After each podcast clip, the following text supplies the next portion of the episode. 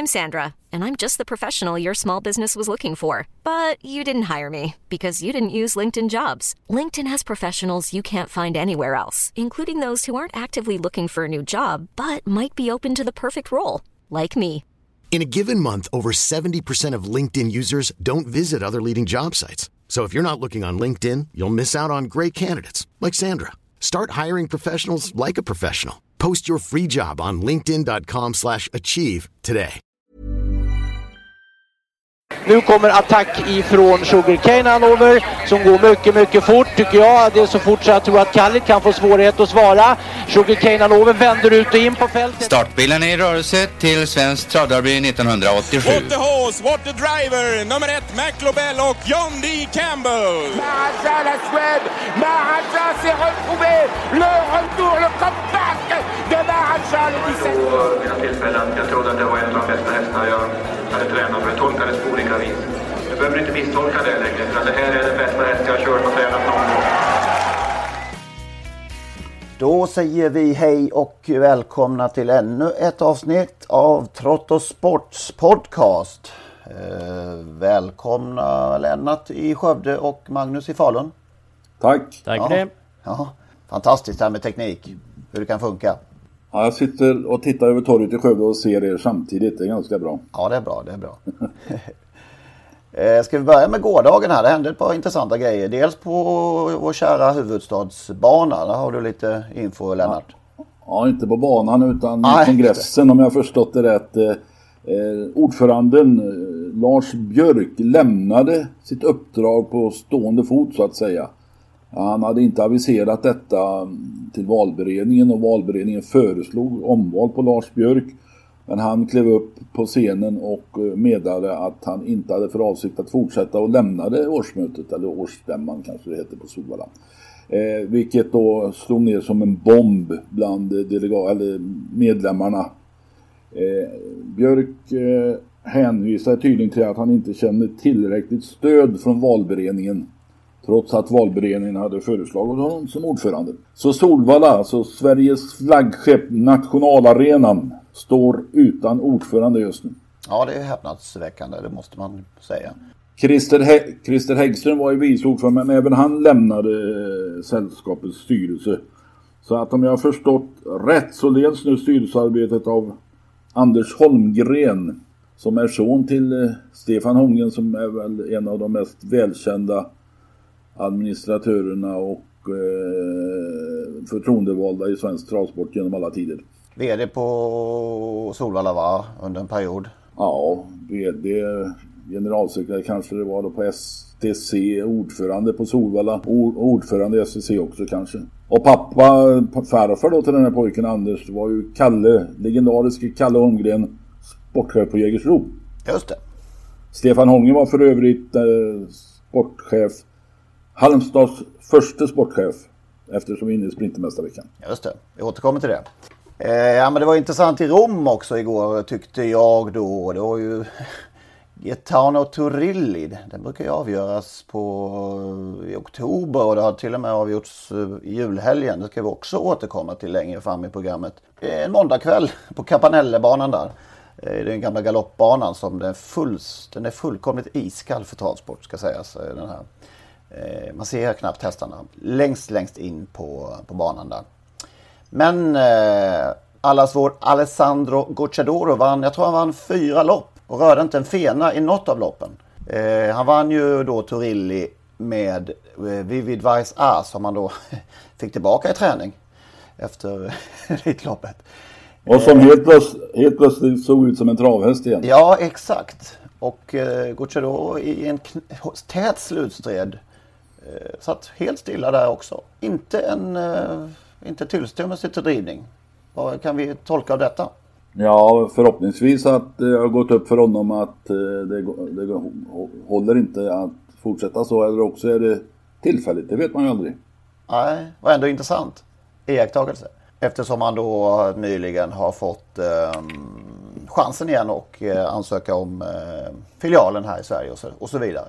Och som också är godkänd. Just det. Vi hade uppe det förra veckan och bläcket hann ju inte att torka innan det kom besked från ST att han är, det är fritt fram att söka eller få filial i Sverige igen.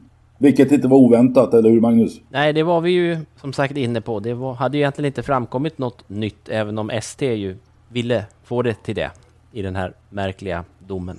Men det var intressant eftersom tävlingarna var i Italien och eh, där de har sitt klart mer förlåtande drivningsreglemente och där han ju då tidigare har vevat ordentligt. Så, så det var spännande att, att, ta del av. Ja, det är ju helt klart väldigt positivt. Det får man ju som sagt säga. Sen hoppas vi att minnet är långt för Den här gången, ja, ja, så att det inte blir som tidigare. Men, men det är klart att det är positivt. Det var ju i normala fall eh, ett ett sånt lopp där så att så man hade nog kunnat tänkt sig att han hade kunnat börja veva. Det kändes så ja. ja.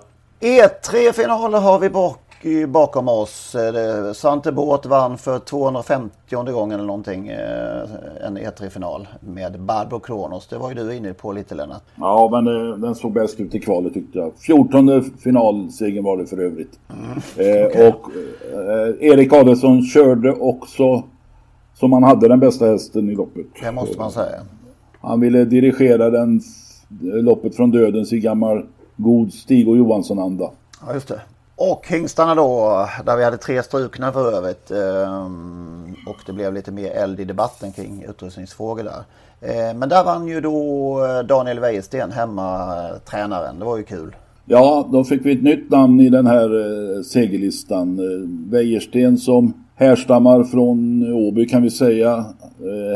Hans föräldrar arrenderade en gård i Fjärås i Halland där Ulf Wäjersten en utav de största, pappan Ulf Wäjersten, en av de största traventusiaster som jag har träffat på. Han var amatörtränare på Åby, 40 amatörsegrar, körde, vann åtta lopp själv. Har också fått upp några hästar varav kanske lider Tom är den bästa i drygt en miljon. Eh, Wäjersten tillhörde de som kämpade för att eh, Åbys gamla stallbacke inte skulle rivas. Eh, han stod på barrikaderna där och det gjorde faktiskt även Olle Goop kan man då tillägga. Eh, sen flyttade Wäjersten till Östersund. Hans son då Daniel gick på Vången och även hans lillebror Olle där. Och eh, nu är ju då Daniel en etablerad tränare i Sundsvall, Bergsåker. Och fick sin första stora seger men inte den sista. Jag tycker han visar oerhörd skicklighet som kusk i det där loppet också. Ja, verkligen. Det måste man ju säga. Alltså Global Badman har ju Eh, han har ju, det syns ju vad, vad, det är för typ av häst, det är en enorm kapacitet, men han har ju inte riktigt, riktigt sett helt hundra ut till slut i, i, i vare sig kval eller framförallt nu i finalen. Men, men sättet han kör häst på, sen också taktiskt, han gjorde ju, han gjorde ju verkligen inga fel. Det, det kan man ju lugnt säga. Galopperade strax efter målningen. Ja. Jag undrar jag om den här Daniel, han, nu är han inne på sitt bästa år naturligtvis. Eh, eh om han blir kvar på Bergsåker särskilt länge. Om inte västkustlängtan kanske för honom till Åbytravet någon gång framöver.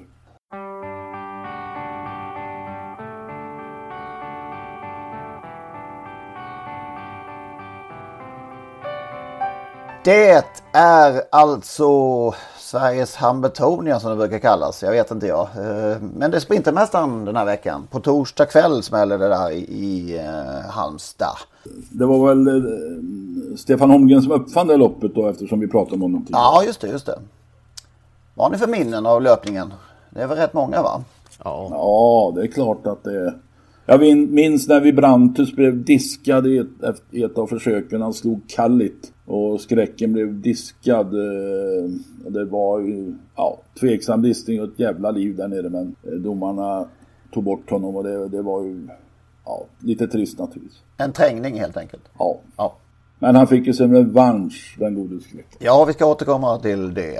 Um, ja, men bästa året, bästa året. Bästa, bästa året. Men alltid tycker man att det, jag tycker alltid man känner att det ser rätt rackigt ut på förhand de där jävla försöken. Ihåligt och få hästar som kan vinna så. Men ofta har det blivit bra till sist. I, när, då har, eh, när bilen har rullat ut för finalen. Men bäst som sagt var det inte Sprintermästaren 2002. Det måste ha varit den bästa upplagan i, i eh, löpningens historia ändå. Det var alltså, ja vi lyssnar helt enkelt hur det lät den där kvällen.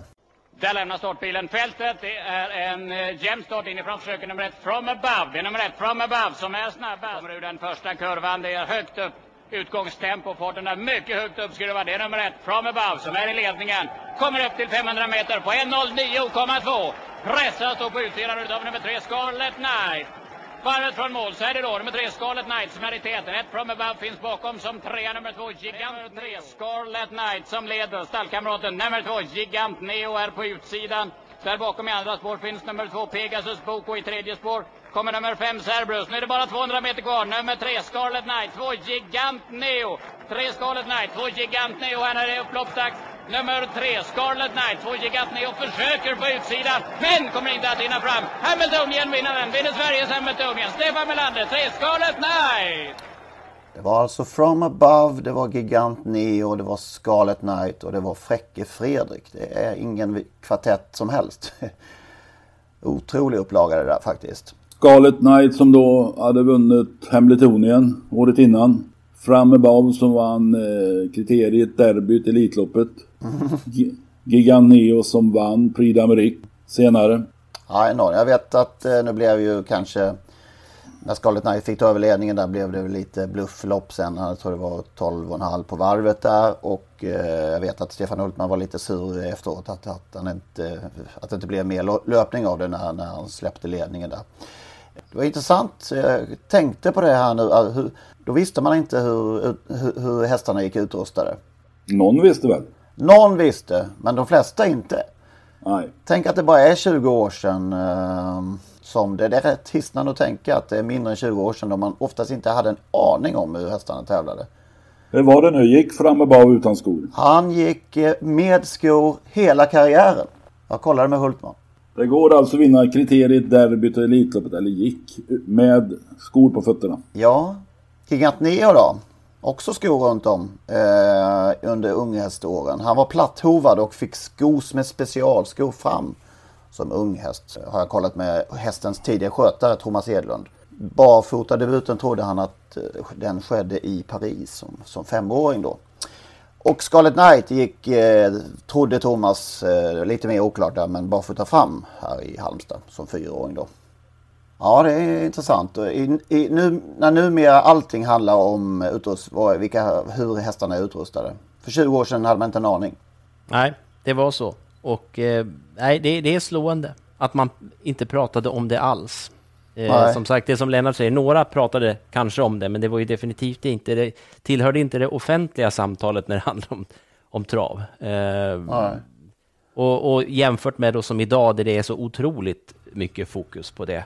Att varenda en, fortfarande än idag, just det där med att antingen ja, första gången barfota, det måste nämnas i varenda sändning och sen kommer vagnen naturligtvis. Det är första gången med jänkarvagn. Vilket ju har en effekt, så är det ju naturligtvis. Men det är ju alltid det där och att ibland framkom... Tidigare innan vi hade den här vagninformationen så var det sånt där som kom efteråt och så blir man irriterad på det för att man inte fick ja, veta det.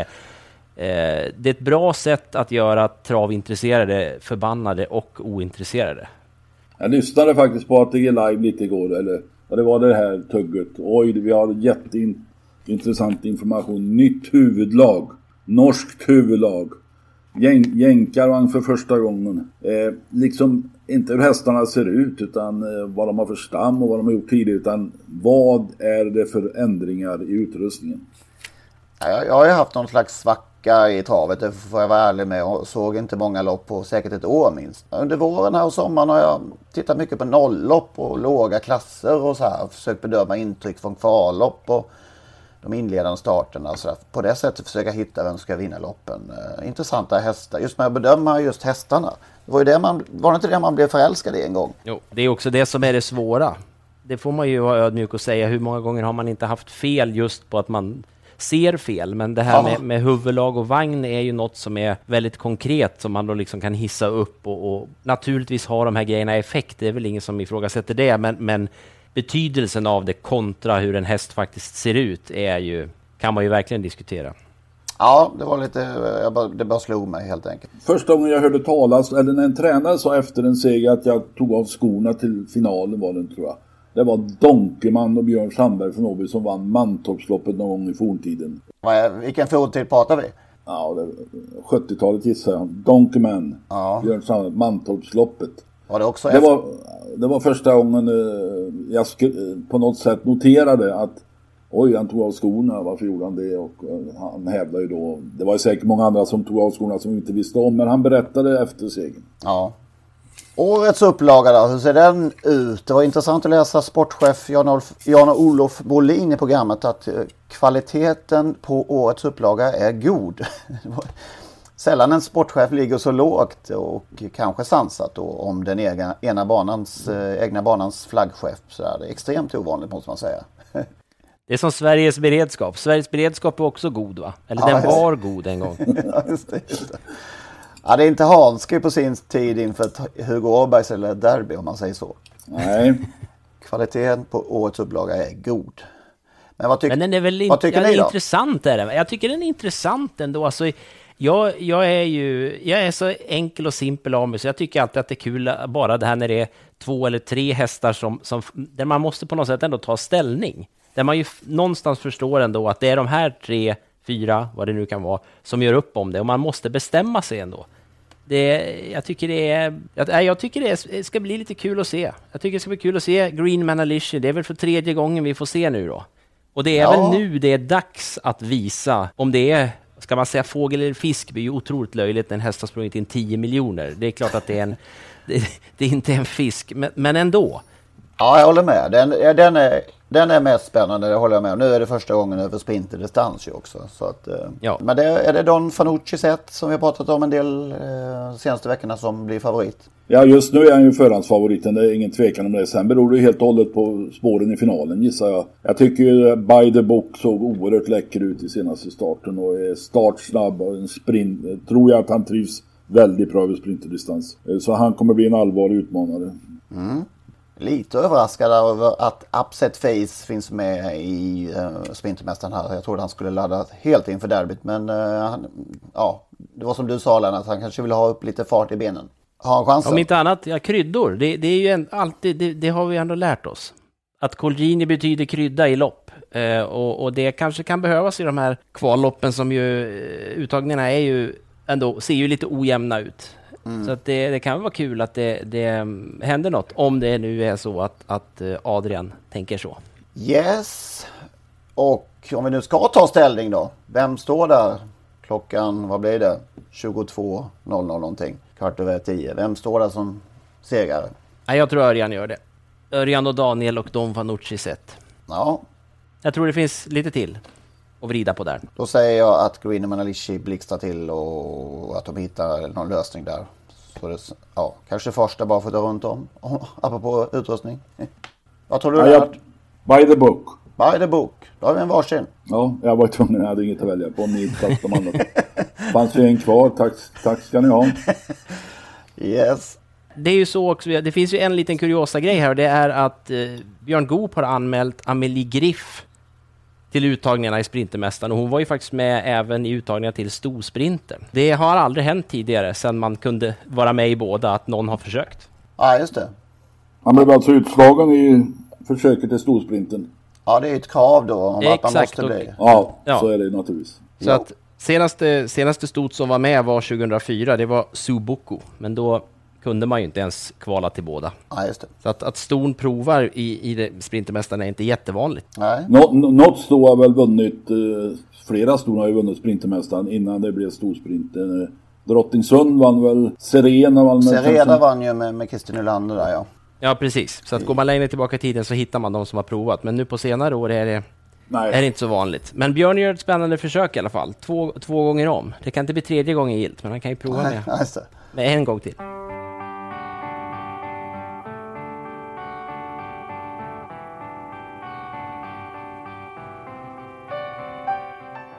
Apropå då fyraåringar så är det ju inte så långt till Hugo Åbergs heller. Och, eh, ja, men där har väl ändå ingen fyraåring vunnit? Nej, det är väl inte så va?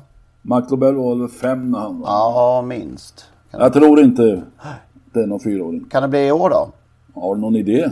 Har någon någon idé? Ikuridi har ju surrats om att han i alla fall ska starta. Eller i alla fall funnits med i resonemanget. Men, eller? Ja, ja han är ju inbjuden. Eh, Ekerydé ska starta i Eskilstuna 15 juli är det nog eh, det här derby. Det, det får inte heta derbytest. Ett, något annat. Fyraåringstestet heter det helt enkelt. Fyraåringstestet. Jag träffade delägaren Yüksel Süleyman på hans krog i Skövde för några dagar sedan och frågade just om hur det stod till med hästen och eh, det var allt okej. Okay. Han bekräftade då Eskilstuna-starten och så frågade jag och sen blir väl då Hugo Åbergs har jag förstått. Nej, sa han troligen inte.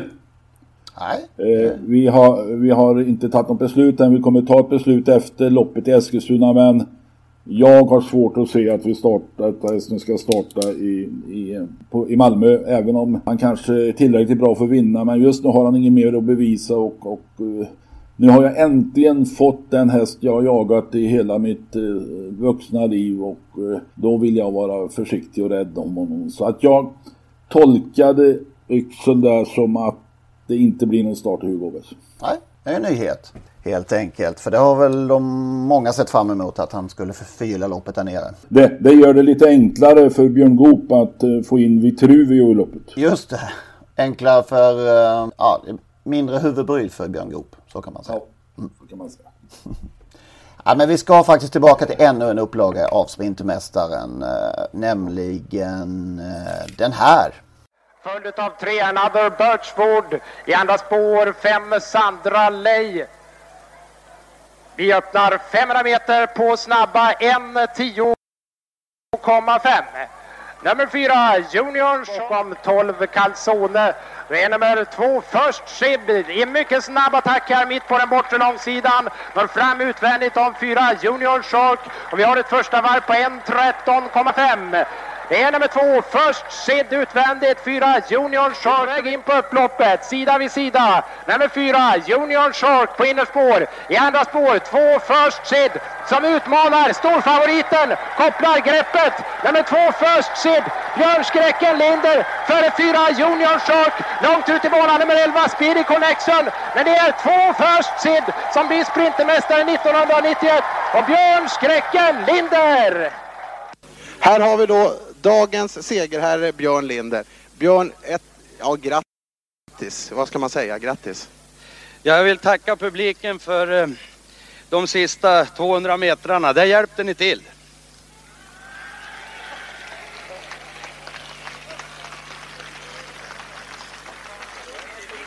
Jag vet inte riktigt när det var, men du har sagt en gång aldrig mer Halmstad. Eller hur? Det var en sprintermästare. Nu står du här i vinnarcirkeln. Ska du förklara det lite närmare? Nej, jag sa aldrig mer Halmstad. Jag sa bara att vi måste ta nytt lim på dynan så jag sitter kvar i alla fall i försöken. Eh, First Sid skrällde alltså för Björnskräcken Lind det här. Kommer ni, ihåg vad, kommer ni ihåg vad Union Shark stod i, i finalen? Ja, 12 för 10. Otroligt. Och vet du, är det någon som vet vad han gav när han vann försöket? Ja, det, det har du koll på också kanske. Ja, 1.03. Oj, oj, oj. Han hade ju året innan vunnit eh, Färjestads Nordiska treåringspris eh, som då var föregångaren till E3 och eh, dessutom kriteriet eh, och kom ju då till Halmstad som jättefavorit.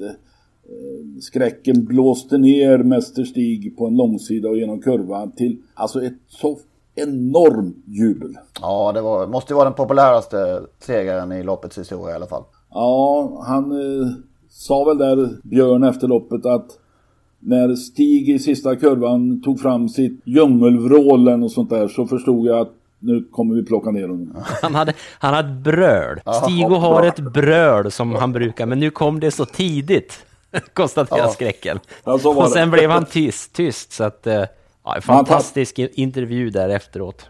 Han tackar ja. också publiken där ju. Ja. Och vem är det som intervjuar då? Det är Anders Diamond Jonason av alla människor. Eh, det blev jag lite chockad över att, eh, att eh, konstatera faktiskt. Jag har fått klart för mig nu efteråt att han bodde i Halmstad under den här perioden. Under några år och jobbade i lag med Molle där till exempel. Ja, det är bra. Det rekommenderas ju att se hela det här klippet. Jag tror det är totalt nästan 10 minuter med, med loppet och sen den här intervjun efteråt. Och det, det är alltså, när man hör den, så, det låter nästan som en Lindeman eller någonting när, när skräcken pratar. Alltså det, han får skratt från publiken och han har han har ju sin blanddialekt där, skräcken, och det, det, det, låter som att han, han kör en, en, en, en Lindeman, eller i alla fall en, en Hasse Alfredsson-variant, alltså en gammal klassisk svensk. Ja, men där har vi det. Björn Linderman. Ja, ja just det. 7,65 gav han förresten i vinnarodds.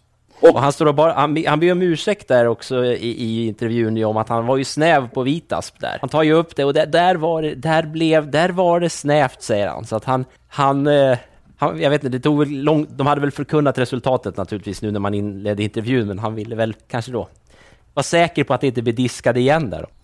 Nej, man diskade inte så tidigt på den tiden. Men ändå. Eh, för övrigt, om jag minns rätt här nu så var de åtta delägare och de hade omröstning om de skulle vara med i Sprintermästaren eller ej. Eh, fyra av delägarna ville stå över och satsa enbart på Darbyt, heter det så? Darbyt, Derbyt, Derbyt. Eh, och fyra, fyra var för, fyra emot och skräcken fick då utslagsröst. Och som väl var så eh, valde han att starta för sen i derbyt så gick det, kom han inte ens till final. Ja men det var ju så på den tiden. Eh, det spelade ingen roll vad han sa, eh, Kecken. Folk hade skrattat i halsen redan innan han hade uttalat det på något sätt. För man, man visste att det skulle komma något. Ja, saknad som profil såklart. Först Fridrike, senare en ödesdiger eh, händelse, en bråd död till mötes. Usch, ja, det måste vi ta upp. Ja, det, vi, eh, det är ju den här förfärliga olyckan efter ett lopp i Italien just i det här Gaetano Turilli som vi nämnde i början av programmet som gick igår, årets upplaga. Den kördes på annandag jul 1993. Vanns av Meadow Prophet på 16,1 till 1,70 odds. Tvåa var First Seed och trea var Plant the Seed. 350 miljoner lire var det i första pris, för 1,5 miljoner. Det var eh, efter loppet då skulle hästarna transporteras eh, vidare till Bologna, Park, Avenue Cathy och Mary Profit var på väg hem och först Sid skulle vidare till Paris. Eh, klockan började närma sig 19 den här dagen och Eh, det blev ett motorfel på den första transporten som gjorde att man måste vara tvungen att byta fordon. Fem timmar senare norröver då mot Bologna så uh, möter den italienska chauffören och de tre svenska hästskötarna mötande bilar som tutar och pockar på uppmärksamhet. Och uh, de insåg då att det är uh, något som är fel och de ser att tjock rök, svart rök tränger igenom ur ekipagets taklucka. Så det blir panik och de hoppar ut från förarhytten och springer och sliter upp det de kan. Men det är pyrande eld och eh, syre då här är ju ingen bra kombination och följden blev en gasexplosion och ett riktigt eldhav där. First Seed vräkte sig chockad ut ur vagnen. Hans grimma hade redan bränt sönder och eh, även Meadow Profit och Park Avenue Cathy drabbades ju av det här. Så det var ju hemskt. Usch. Och alla dog. Alla dog till slut. Det var även en italiensk häst som hette Kolumnist som också eh, förlorade livet här. Det här är naturligtvis en av de största tragedi tragedierna i svensk travsportshistoria. Det var ju tre topphästar. Mm. För, för Sid var väl bara sex år då. Hade sprungit in 3,7 miljoner. De, an, de andra två var ju kan man säga världsstjärnor. Ja visst.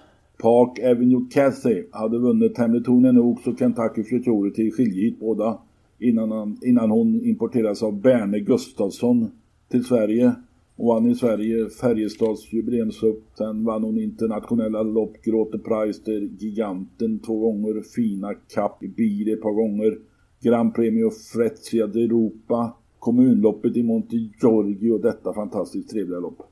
Och ytterligare eh, några storsegrar. Hon blev då sexa i det här ja, sista som blev hennes sista lopp i Rom.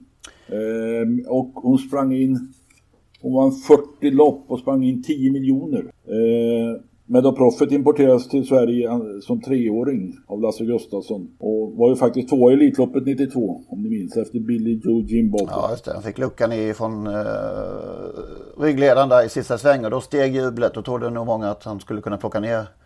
Ja faktiskt. Ja men det gick inte. Vann ju Grand Premio Unire San Siro, Müllers Memorial, Nationernas pris kanske var den största, störst, allra största segern. Och så avslutade han då med att vinna det här loppet i Rom på annandag jul. 7 mm. miljoner sprang hästen vann 25 lopp. Anders fick svåra brännskador på både huvud och hals och syn och hörsel hade skadats. Och gasen från den här röken hade gått ner i lungorna. Och eh, tillsammans med veterinär och ägare Torbjörn Lindor då beslutet att låta avliva hästen. Han skulle inte ha överlevt natten, det fanns inget att göra. Först Sid har kämpat i hela sitt liv för att vinna. Nu ville vi inte att han skulle tvingas kämpa för att dö också, berättade Linde för Expressen strax efter det här tunga beslutet. Eh, den som kämpade allra längst efter det här var Meadow Prophet. Eh, han var faktiskt vid liv i en vecka eh, efteråt. Men hjärtat orkade till sist inte mer. Eh, Lasse Gustafsson fanns med hästen vid hans sida hela, hela vägen där i Italien. Men eh, till slut orkade inte hjärtat mer. Han, han lade sig utmattad ner i boxen. Och jag förstod att, han, att det var slut. Han fick en spruta och eh, somnade in. Och då kom tårarna berättade Lars här för Expressens reporter. Ja usch vilken händelse det var. Jag minns det där eh, naturligtvis, men det var också lite speciellt. Meadow Profit var en av de här, även om jag hade hållit på med trav ett tag, så det här var en av de första hästarna som landade riktigt djupt. Som jag, sån där som man gillar bara. Ja, elegant. Som Lennart berättade, den här importen och, och, och så fick man se den där och så tänkte man, ah, spännande. Att det, ja, och sen just det, det, hade jag faktiskt glömt att, det, att han faktiskt eh, levde så pass länge efter olyckan. Det kommer jag faktiskt inte ihåg. Men jag, jag minns att det var, det var ju en jäkla skitolycka naturligtvis, hela alltihopa. Men det var, blev väldigt speciellt när man har en sån där häst som... Ja, så elegant också. Ekipaget var så elegant. Ja, precis. Eh, han, han, ser ju så bra ut i sulken, Lasse Gustafsson, med sin, med sin ljus, eh, blåa dress där och den här, bakom, var, den, bakom den här fina hästen. Det var innan jänkarvagnarnas tid. Ja, det var det verkligen. Jag tror Daniel Larsson, fotograf, eller fotograf på Jägersro, i alla fall har varit, eh, var med som någon eh, extrainkallad skötare till Medoproffet på den här resan. Ja, hemskt det också liksom att han var tydligen, eh, som, som du säger, tillfällig skötare för hästen. Det var någon, någon, någon som inte kunde följa med eller så. Så att det, han, han var med om det här.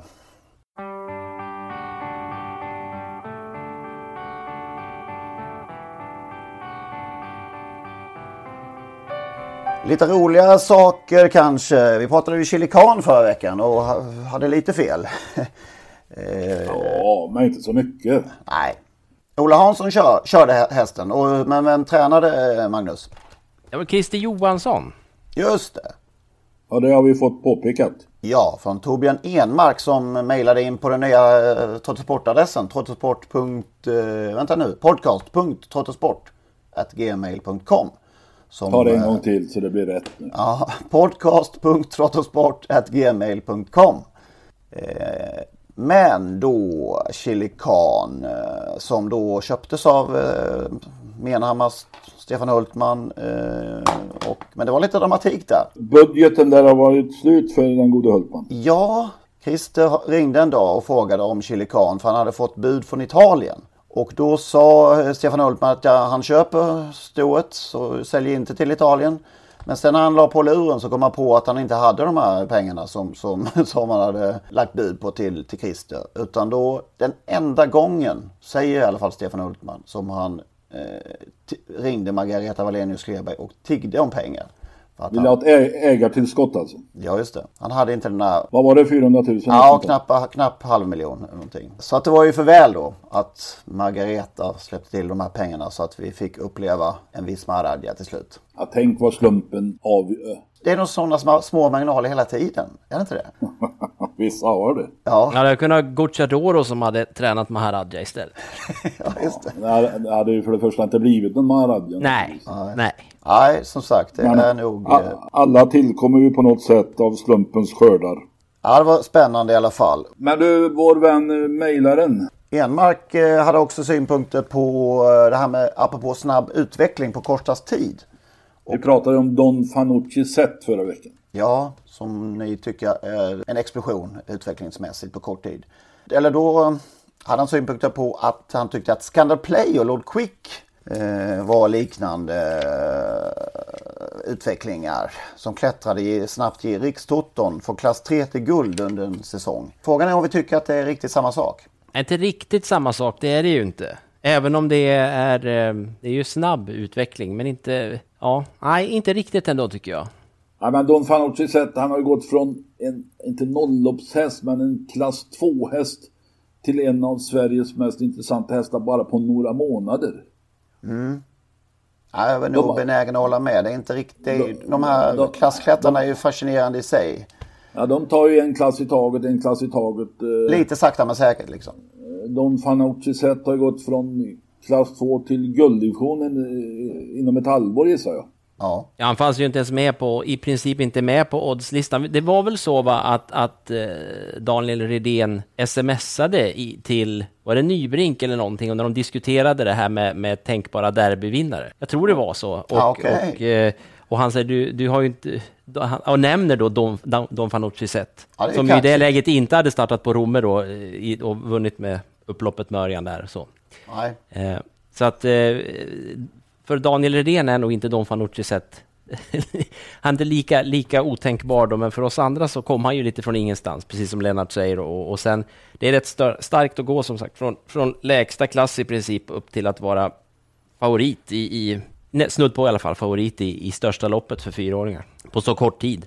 Men sen håller jag med om de här som har gått, passerat varje klass på en eller två starter och bara fortsatt. Och, eh, de som nämndes här, och Don Kivin, Hallonbrunn, eh, Legolas. Det är imponerande på sitt sätt. Fascinerande. Ja, verkligen. Jag har ett par till. Eh, Dream of Goal var ju min älskling. Eh, det var samma eh, resa ju. Glömmer aldrig segern under Elitloppshelgen där när alla vek över till att Kalle Karsk skulle slå honom. Kommer ni ihåg det tvåhästaslaget där? Det blev Mm, ett rejält skrik på Kalle Karsk. Han hade springspår med Stig och men jag höll fast vid min dream of, dream of goal och var säker på min sak. Och han tuggade ner Kalle, Kalle Karsk säkert från, från dödens. Eh, Toto Rian kanske? Ja, verkligen. Mm. Hade, hade väl stora problem länge och blev sen en häst som sprang upp i snudd på eliten. Mm. Eh, har ni fler sådana här klassklättrare som vi har glömt bort så mejla gärna som sagt eh, podcast.tortosport.gmail.com nu ska vi, vi pratat en hel del Svenskt travderby de senaste veckorna ju. Det hela närmar sig ju dessutom allt mer eftersom Sprintermästaren följer det här testet i Eskilstuna över lång distans som vi pratade om. Och sen är ju uttagningarna bara några veckor bort. Eh, men hur i helvete ska det egentligen uttalas? Det, här, det är frågan. Vi lyssnar lite här till att börja med. Det kom mycket folk till Jägersro idag, i runda tal 15 000 personer, för att se det vassaste derbyt på många, många år. Startbilen är i rörelse till Svenskt travderby 1987. Starten har gått i Svenskt travderby 1987. Och då ska det dra ihop sig för derbyt Thomas Nilsson. Och Då har vi fältet klart i Svenskt travderby nästa söndag. Till att börja med i alla fall så har vi stämt av så att vi har representanter för alla hästarna i Svenskt travderby, Mickelsen Spiel Svenskt travderby. Ja, är det Derby, Derby eller Derby? Först är det då Thomas Simpson vi hör här från 1985. Han går ju igång med, med Derby. Vi har då Jägersros gamle speaker Ragnar Landerholm. Han är ju med i vår vignett förresten. Under närmare 40 år var han speaker på Jägers. Numera är han inte längre med oss eh, här på jorden. Men eh, han säger ju travderby. Gjorde han det under 40 år? Travderby. Ja, det han hade samma... Ja, det, nej, det är oklart. kan, kan, kan du kolla igenom de 40? Men sen kommer då Bengt Larvik och tar ton några sekunder senare som är referent. Eh, han säger derby. Håkan Lillis Olsson glider in i TV4 och slår till med der- derby. Derby, ja. Ja, och så till slut har vi då den nuvarande sportchefen här på Jägersro, Mats Ahlqvist, som vid två olika spårlottning här till loppet för säkerhets skull kör två olika varianter för egen del. Derby första Mm. gången och sen derby växlar han till. Ja, han, han har alltså garderat sig rejält. Ja. Vad ska det vara då? Vi fick påpekande efter för jag kanske uttalade åt helsike, men jag är ju så pass gammal så jag har, har ju... Kom du ihåg vad du att- uttalade? Förlåt? Kom du ihåg vilket du valde? Derby tror jag, men jag ska ändra mig från och med nu, tror jag. Ja. Det ska heta Derbyt. Vad säger Magnus? Vad, vad kör du på? Nej, jag kör stenhårt på svenskt uttal. Och det är ju då alltså derbyt. Inte derbyt, även om det finns ett ö där som är jättesvenskt. Men nej, nej derby. Inte, inte Henrik, om du går och ser Hammarby AIK, går du på ett derby. Nej, just det. Det är helt rätt. Nej, jag, Ja, jag, vi- jag, håller, vi är nog tre, det är 3-0 här för derby tror jag. jag. Fick vi inte, fick vi inte något uh, mail för, förra gången vi hade vår pod, podcast? Förra omgången? Ja, men vår älskade trogne lyssnare och läsare Jack från eh, Paris tror vi att han bor va? Vi vet vem det är. Jag vet inte om vi ska säga vem, vem det är egentligen. Ska vi göra det Lennart? Nej, det ska vi inte avslöja. Det, vi får avvakta det. Ja, hoppas att han är med oss. Det, det vet vi inte riktigt. Jag hoppas verkligen att han har hittat tillbaka. Eh, men då skrev han några rader om ett derby som rör till det när det gäller uttalet. Ordet derby, som i häst, hästsammanhang kallas, uttalas fonetiskt, derby, Efter det första kapplöpningsderbyt i England 1780, alla derbyns moder. Men amerikanerna lät sig inte nöja sig med det. Deras Kentucky Derby, ett av världens största kapplöpningslopp, uttalas fonetiskt Derby. Vi i Sverige kunde inte heller hålla oss. Vi säger fonetiskt Derby. Och travet, som aldrig velat associera sig med galoppen, flyttade hela derbykullen, som i alla andra länder är treåringarna, till fyraårskullen. Således, nu säger vi Derby söndagen den 16 juli för att hylla ursprunget till galoppens derby. Inte så svårt, skriver då Jack. Han vill ha Derby. Derby. Ja, ja. Å åsikterna lär, lär fortsätta gå isär. Stämman är enig, vi kommer använda ordet derby. Ja, vi kör på det.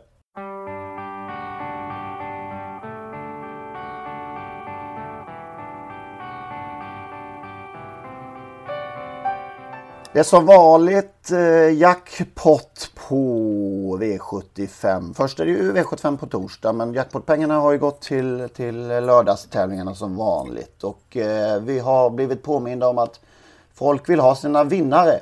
Dina vinnare är framförallt kanske Lennart. Du har ju satt några stycken. Men Ja. du, du fick lite påringningar där om att eh, det saknades förra veckan. Ja, men vi gav ju upp där när, eh, när danskens häst förlorade i Kalmar. Det kanske var lite... Vi gav oss för enkelt. Ja, medgång, medgångs... eh, Därför har jag nu tittat på omgången och eh, ska vi säga att vi kommer att föreslå ett spik och en skräll, ett skrällbud i Varje vecka. framöver. Ja. Ja, så kör vi. Då börjar jag direkt vid 75 nummer 2. Uno X Due Grafa. Italienare och Goop har gjort två starter för Goop. Eh, Björn Goop var trea i långloppet där på Bjerke där testade Tevan. Och sen vann på Åby i mycket övertygande stil. Rapp i benen, startsnabb. En läcker häst att titta på. Den tar sannolikt ledningen tidigt och eh, kommer att segla ifrån de övriga, det är jag övertygad om. Oj, det låter starkt. Eh, skrällen i V75 4, nummer 9, Sosi. Spurtade bra bakom en bra häst i senaste loppet. Har ett bra smygläge nu. Hanna Halme, eh, ganska rutinerad i sådana här sammanhang. Det är ett lärlingslopp. Vann lopp eh, på Mantorp igår. Eh, och eh, den kan nog slå till till 8, 9, 10 procent. Det är svårt att säga procent. Procenten. Procenten säger det behöver vi inte. Ja, ja. Har du något bud eh, från norr? Norr? Ja, precis. Från norr nu när det är i söder. Ja. Nej, det, jag, jag överlåter det med varm hand till Lennart. Men jag, jag konstaterar att, att eh, Johan Untersteiner tar ju ut Cyber Lane igen nu. Och, och jag är ändå nyfiken på att se om det finns lite mer än vad det gjorde senast. Hallå, vi, har gett, vi sa att vi skulle ge oss. Ja, vi gör, vi gör väl det då. Men, men jag tittar med spänning i alla fall. Ja. Verdi Kronos gör ju en intressant start. Nu ska vi se om... eh, Ja, vi, jag efterlyste ju några snälla lopp, men nu är det lite mer beskedligt motstånd. Så nu kanske det blir mer offensivt eh, från Erik. Det är en intressant start i alla fall. Kronos. Ja, verkligen. Det där är ju, ja det är riktigt kul. Där har vi det där igen. Ta ställning. Ja, just det. Bestämma sig. Guldvinnare brukar ju vara din sak, Lennart. Vem vinner det där då? Den här Dahlénhästen, heter den Velvet Rio? Den är ju bra varenda gång alltså. Den var ju grym i, var det Östersund? Ja, den Mm. tror jag blir svårslagen. Är stark som en oxe. Bra läge. Ja. Eh, ja. Det Ja, blir lite spännande lopp det där faktiskt. Ja, det är det faktiskt. Mycket Mm. spännande. Vi vill tacka så hemskt mycket också för de nya personer som har valt att stötta oss via Patreon den senaste veckan. Eh, det underlättar enormt för oss att fortsätta med den här podden eh, som jag tror uppskattas av många. Eh, det är inte alls svårt heller faktiskt. Det är lättare än man tror. Man går in på patreon.com går till Become Patreon och sen är det ungefär som att sätta in en ehm, slant på sitt spelkonto. Det har väl de flesta gjort antar jag. Eh, Så hemskt gärna om ni vill eh, stötta oss via patreon.com. Så eh, sök på Henrik Ingvarsson så kommer Trottosport-podden upp. Och så går man till Become Patreon och så tar man sig vidare där. Då säger vi så! Ha det gott! Ha det gott ja! Hej! Hej!